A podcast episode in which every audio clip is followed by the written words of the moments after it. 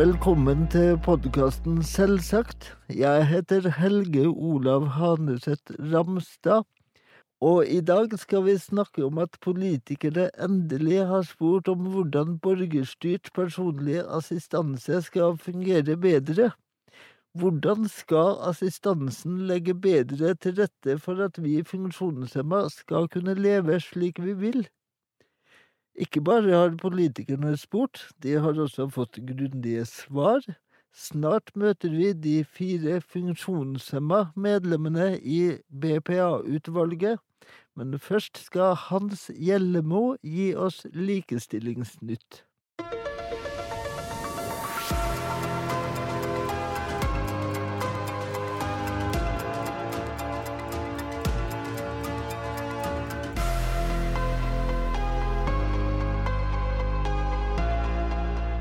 Flere politikere pusher på for at regjeringen skal innfri løftet sitt om å ta FN-konvensjonen for funksjonshemmedes rettigheter inn i norsk lov. Tre av stortingsrepresentantene til partiet Rødt leverte 24.3 et forslag som Stortinget må ta stilling til, om å ta FN-konvensjonen inn i menneskerettighetsloven.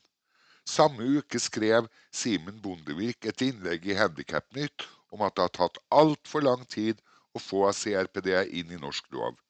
Simen Bondevik er leder i Unge Sentrum. Organisasjonen Unge funksjonshemmede ønsker å høre din historie hvis du er ung, skeiv og funksjonshemmet.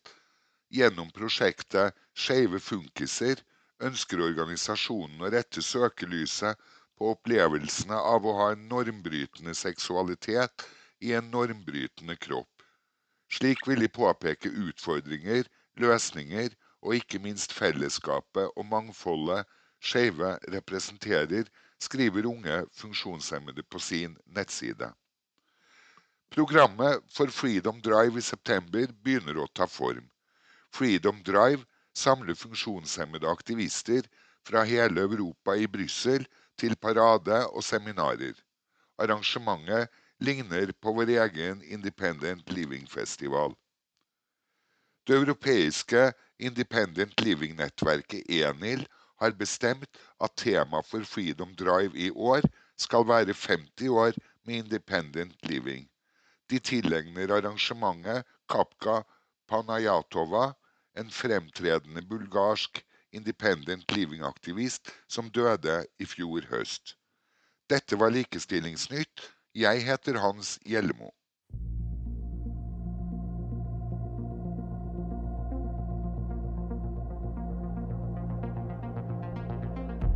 Vi er inne i et spennende år for borgerstyrt personlig assistanse, som også blir kalt eh, BPA. BPA skal jo gjøre det mulig for oss funksjonshemma å leve et helt vanlig liv med vanlige gjøremål.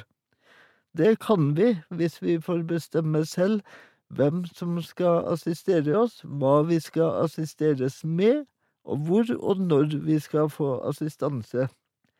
Nå har vi hørt i to tidligere episoder at mange kommuner bryter disse prinsippene. Det er kommunen som både bestemmer om du får BPA, og kommunen kan også tolke lovverket for BPA, og slik påvirke sterkt hvordan du forbruker assistansen. Politikerne har skjønt at eh, BPA dermed ikke bidrar så godt som det skal til funksjonshemmas likestilling. Erna Solbergs regjering bestemte derfor at et utvalg skulle se på hva som må gjøres annerledes. Dette BPA-utvalget leverte rapporten sin i desember i fjor. Nå har vi med oss fire av utvalgsmedlemmene her i Selvsagt. Eh, velkommen til deg, Sonja Tobiassen. Takk. Du representerer funksjonshemma som har BPA, og fra Funksjonshemmedes Fellesorganisasjon, FFO, har vi med Sverre Fuglerud. Velkommen. Tusen takk. Så har vi Vibeke Marøy Melstrøm fra Uloba. Velkommen til deg. Takk for det. Og fra Samarbeidsforumet av funksjonshemmedes organisasjoner, SAFO, så har vi Tove Linnea Brandvik. Velkommen. Tusen takk, og takk for invitasjonen. Jeg vil først at du, Sonja Tobiassen, forteller hvilket oppdrag BPA-utvalget fikk. Ja, vi fikk et ganske omfattende mandat. Og til grunn for det mandatet så var det beskrevet at det var oppstått et forventningsgap mellom de rettslige reguleringene og de forventningene til hva som er mulig å oppnå innenfor rammen for dagens ordning. Så er det et ganske stort spenn i forhold til hvilken grad ulike aktører opplever at kommunen imøtekommer henholdsvis lovens krav og intensjonene med brukerstyrt personlig assistanse. Og av det så ble vi utvalget da bedt om å vurdere relevante og tilstøttende assistanseordninger på andre arenaer, f.eks. bestemmelser om mentor og funksjonsassistanse i arbeidsliv og inkluderingstilskudd. Og så skulle vi oppsummere erfaring med brukerstyrt personlig assistanse fra andre land, som vil være naturlig for oss å sammenligne oss med. Også om og i hvilken grad den ordninga bør reguleres gjennom et fritt brukervalg. Og så skulle vi drøfte og klargjøre hvilken personkrets BPA bør omfatte. Og så skulle vi også sammenligne tildelingspraksis med sikte på å utrede grep for å redusere forskjeller mellom kommunene. Og så skulle vi utrede alle forslag, også konsekvenser av å flytte BPA ut av helselovgivninga. Og i tillegg så skulle det gjøres noen samfunnsøkonomiske analyser ut av forslagene, sånn at eh, ordninga skulle vise bærekraftig over tid kanskje det som jeg syns var viktigst i mandatet, eh, da leser jeg bare siterer fra det, det er at utvalget skal utrede, vurdere og fremme forslag til hvordan brukerstyrt personlig assistanse kan utformes sånn at ordninga fungerer etter hensikta, herunder bidra til å oppnå målet om likeverd, like muligheter uansett bosted, likestilling og samfunnsdeltakelse for personer med nedsatt funksjonsevne, gode arbeidsforhold for assistentene og bærekraftige ordninger. Ordninga skal defineres som et likestillingsverktøy og ikke en helseordning, og utvalget skal se på hvordan BPA kan innrettes for å sikre deltakelse i arbeid, utdanning og fritidsaktiviteter.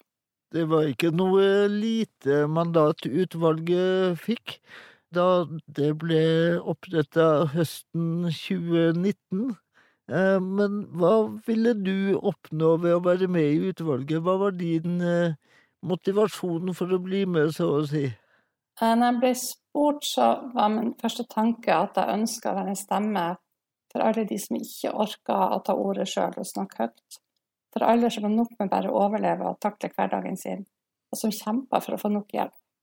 Så bruker alle kreftene på det. Og så så jeg opplevd sjøl at det er et behov for at BPA skal være et verktøy for hele livet og for alle som har behov for det. Og så så jeg at jeg kunne da være med og forme BPA sånn at det skulle gjelde på alle arenaer hele livsløpet, sånn at man kunne leve et helt uavhengig og like sitt liv på lik linje med alle andre. Så min tanke var at jeg kunne være en stemme inn for at alle skulle kunne få BPA. BPA-utvalget hadde 13 medlemmer. Dere fire er de eneste funksjonshemma blant utvalgets medlemmene, så flertallet blir jo ikke berørt av de rådene som utvalget til slutt skulle gi til politikerne. Vibeke Marøy Melstrøm, hvordan påvirka det diskusjonene i utvalget? Ja, altså det er jo fortsatt sånn at vi ser at funksjonshemmede veldig ofte utelates fra offentlig utvalg, selv om utvalget har et mandat som knytter seg til rettigheter knytta til funksjonshemmede. Eh, det er et problem, og vi fikk jo heller ikke dette utvalget være noe flertall, som du peker på. Og dersom man hadde tenkt at dette var et utvalg som skulle snakke om kvinners rettigheter, så hadde nok veldig mange reagert hvis det var et flertall av menn i det utvalget. Det var jo også sånn at det faktisk var et par som ikke hadde hørt om BPA i forkant av utvalget eh, i tillegg. Og det er klart at diskusjonene og debattene vi hadde i utvalget, de var jo prega av at noen av oss satt på egen erfaring og kjente godt til andre personers erfaring gjennom mange, mange år. Eh, vi vil jo være de som kjente konsekvensene av de diskusjonene, og rådene, det vi kom fram til i utvalget. Eh, direkte inn i våre liv. Eh, vi merket jo også ganske tidlig at eh, det vi kaller denne litt medisinske måten å se funksjonshemmede på, altså det å se funksjonshemming som noe spesielt eller sykdom, det satt jo der også, som det gjør i mange andre utvalg og mange andre sammenhenger. Så vi måtte jo kjempe og prøve å diskutere og forklare ganske mye knytta til dette at vi må forstå at funksjonshemming det er jo noe som oppstår i samfunnet rundt. Det er jo ikke noe som knyttes til personen, altså selve diskrimineringen. Men at man går, man går ut fra en funksjonsnedsettelse hos personen. Men altså, diskrimineringen skjer i samfunnet som vi alle kan gjøre noe med. Så var det å på en måte komme til det nivået i utvalget, det, det tok jo sin, sin, tid. Og her er det jo tydelig, ble det tydelig prega av at vi kom fra eh, med forskjellig kompetanse og forskjellig erfaringsbakgrunn i forhold til diskusjonene vi hadde. Når vi ser på rapporten eller utredninga som dere leverte, Selvstyrt er velstyrt, ble den hetende, så ser vi også at den inneholder et dissensforslag. Dissens betyr uenighet, og dissensforslaget er da altså et forslag fra dere fire. Sverre Fuglerud, kan du fortelle overordna hva dere mener må gjøres med BPA-ordninga? Det vil jeg veldig gjerne. Bare først si at eh, alle 13. utvalget ønsker at BPA-ordningen skal utvides kraftig. Både til nye grupper og brukes på nye områder. Så det var vi enige om. Men så var det vi fire som gjerne ville gå lenger. Og så kanskje også greit å nevne at det var faktisk et flertall i utvalget, der vi var en del av de sju, som ville ha en statlig ordning. Men det ville ikke departementet at vi skulle fremme noe mer forslag på.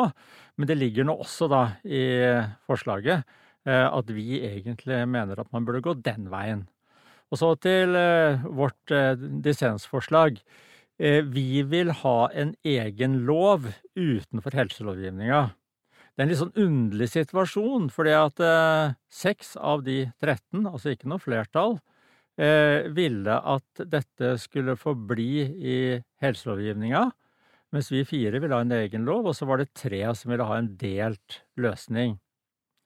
Og så nevner jeg noen konkrete elementer eh, som vi er opptatt av eh, som en del av denne loven. Vi mener at dette skal være en rettighetsfesta ordning fra første time. I dag har man en rettighetsfesta ordning fra 32 timer, som vel egentlig praksis eh, funker fra 25 timer. Vi vil ha dette til å gjelde fra første time.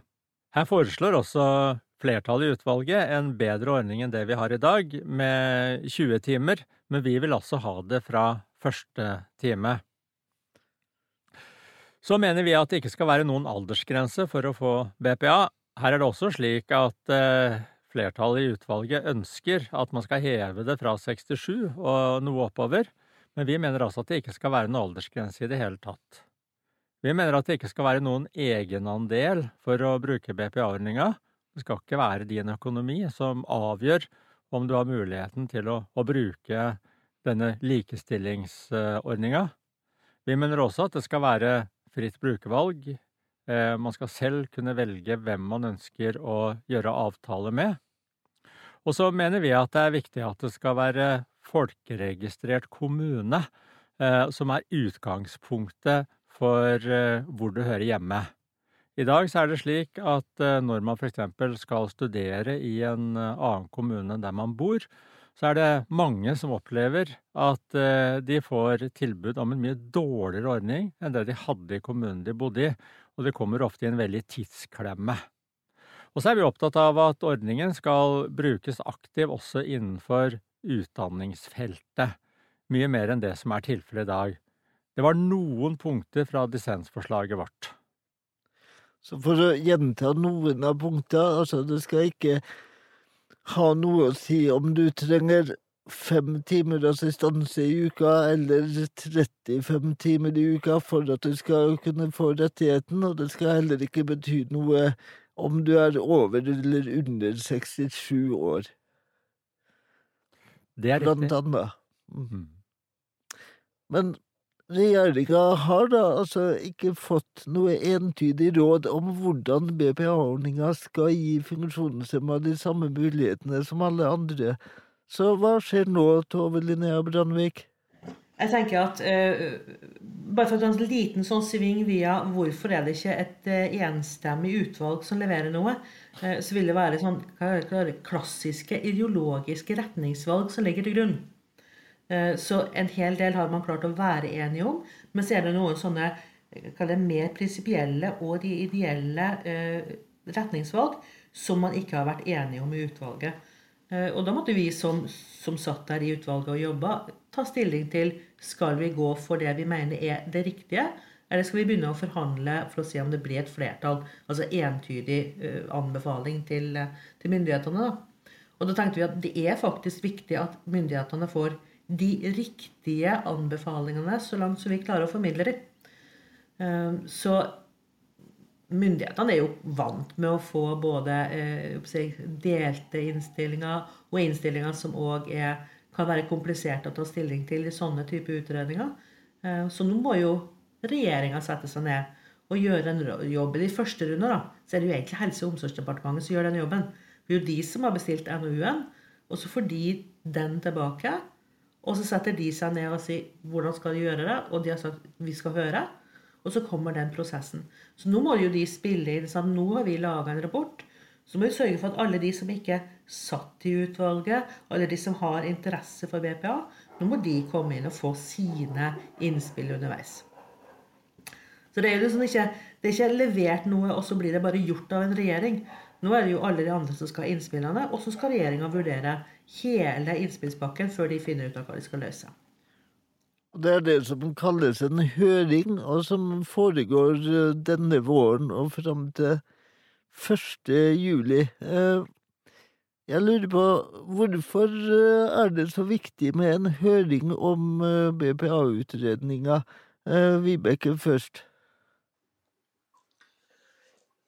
Vi er jo alle kjent med og har god erfaring med at dagens lovregulering av BPA-ordningen fungerer ganske dårlig for veldig mange. Og den fungerer på en måte som fører til veldig mye forskjellsbehandling. Eh, og manglende likestilling for, for, veldig mange. Muligheter til det. Derfor så trenger vi jo en endring. Det var jo også bakgrunnen for at utvalget ble satt ned. Nå tror jeg det er veldig viktig at folk benytter anledningen til å spille inn. For hvis vi skal klare å få til noe endring, hvis vi skal virkelig få realistiske altså endringer som gjør at vi eh, har muligheten til å oppnå likestilling som alle andre, så må det endringer til. Og da er det viktig med denne høringen. Så av den grunn så måtte dette til. Og vi mener jo, som Sverre bl.a. var inne på, at, eh, og som vår dissens er i realiteten, det er et forslag til en egen BPA-lov. I dag vet vi at eh, BPA er regulert innenfor helselovverket. Og hvis vi skal få den ut av helselovverket, så må vi ha et alternativ. Og da er vårt forslag en egen BPA-lov. Og det krever en høring, det krever en lang prosess eh, formelt sett også, for at vi skal få til det. Så det er en av grunnene for at det er utrolig viktig nå at vi har den høringsrunden. Sonja, hvorfor mener du at det er viktig med en høring nå?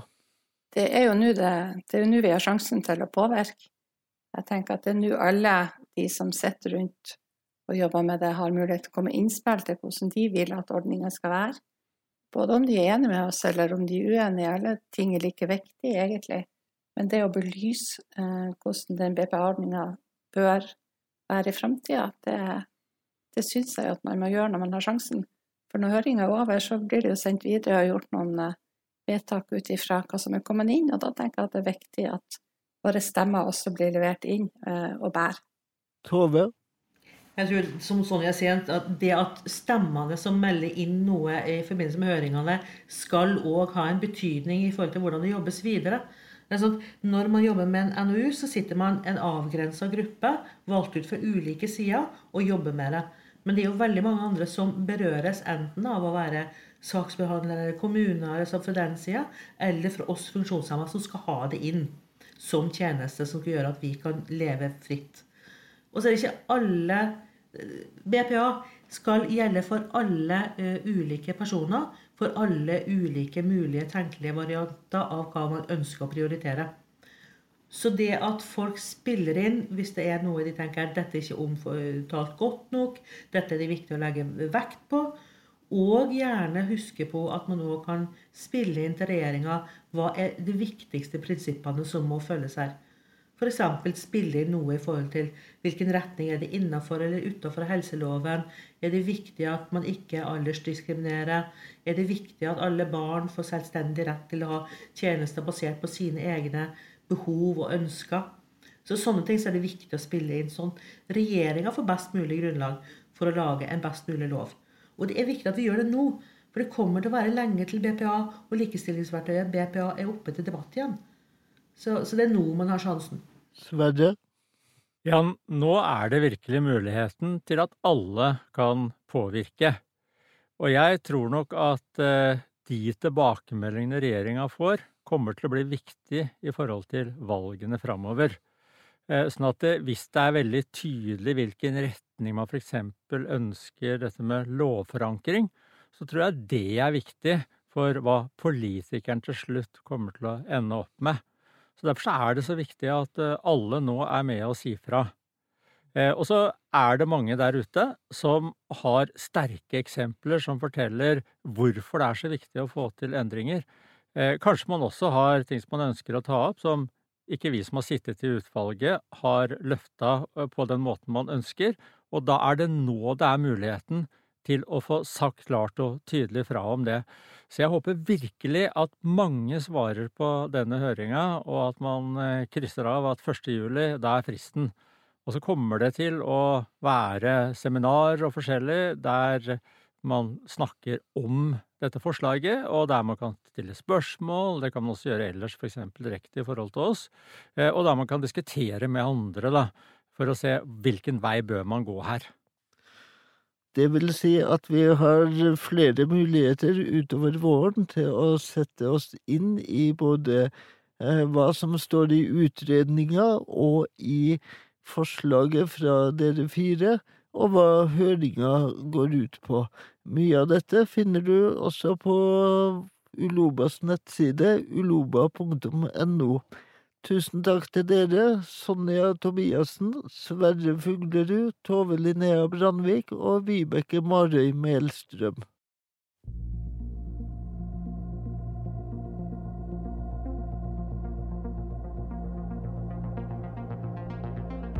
I 2021 lanserte Uloba en egen språkguide. Den kan du, kjære lytter, finne på nettsidene våre og med språket tar Uloba definisjonsmakt i saker som angår oss funksjonshemma. Nå vil vår språkbevisste kollega Hans Gjellemo reflektere over hva det kan innebære. Mange av oss liker å mene og tro at språk er makt. Derfor oppgraderer ulike grupper i samfunnet språket til å være mer politisk korrekt. Særlig gjelder det ord og uttrykk som er tvilsomme eller fordomsfulle overfor forskjellige grupper i samfunnet. Da jeg var barn, fikk jeg skoleskyss, en taxi til og fra skolen.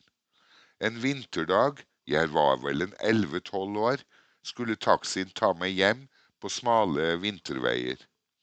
Han parkerte i bakken utenfor der jeg bodde. Da kom en bil i motsatt retning opp bakken og tutet. Sjåføren, en gammel, trett taxisjåfør som var lei av jobben sin, rullet ned bilvinduet, stakk hodet ut av bilen og ropte på trøndersk. Ser du ikke at jeg har en krøpling i bilen? Jeg skjønte det var noe galt, men ante ikke hva ordet betød. Kanskje skjønte jeg det var galt fordi mannen var så sint. I dag er det ordet kastet på historiens skraphaug. Det er også negerkongen i Astrid Lindgrens Pippi Langstrømpe. Han er blitt til sydhavskonge. Torbjørn Egners vise om hottentottene er heller ikke gangbart lenger. Nok et eksempel. Da jeg var ungdom, var det populært å ta konfirmantundervisning gjennom to uker på folkehøyskole. Religiøs indoktrinering kombinert med fritidsaktiviteter. Min beste barndomskamerat tapte i bordtennis og skrek 'fy faen'. Da sa den kvinnelige pressen i 30-årene 'du skal ikke si det du sa der', du skal si 'fy druen'.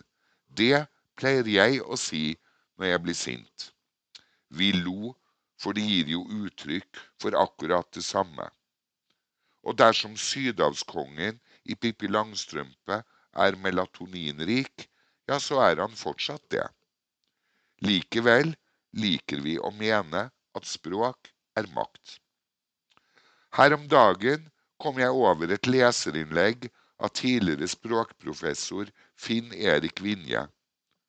Her mener han at språk ikke er makt, og at språk ikke har makt til å forandre historiske kjensgjerninger. Ord er det de betyr i utgangspunktet, hevder han. Vinje er motstander av språkutvikling som har som formål å etablere et politisk korrekt språk for å endre holdninger eller bli kvitt diskriminering. Du blir ikke kvitt historiske kjensgjerninger ved det. Jeg ble litt skuffet, men det sniker seg inn en forståelse av at han har et poeng. Ord er det de er, og språket utvikler seg også sånn at vi finner nye ord som er tvilsomme eller fordomsfulle, som kanskje havner på den historiske skraphaugen om 20 år. Og for å ta et eksempel fra vår egen funkisbevegelse. Ulobas mor, Bente Skansgård, ble spurt i et intervju om det var hun som fant opp begrepet brukerstyrt personlig assistanse. Hun svarte ja og tilføyde du vet, alt blir så veldig langt når det handler om oss funksjonshemmede.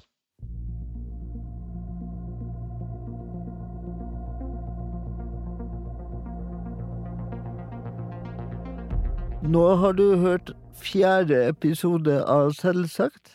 Mange har ennå ikke hørt om Selvsagt, og vet ikke at podkasten fins. Du kan hjelpe til med å fortelle andre om podkasten. Få vennene dine, kollegene dine, til å lytte og følge Selvsagt. Så får de beskjed hver gang vi kommer med nye episoder. Har du forslag til hva vi bør snakke om i senere episoder, eller vil du kommentere noe av det du har hørt?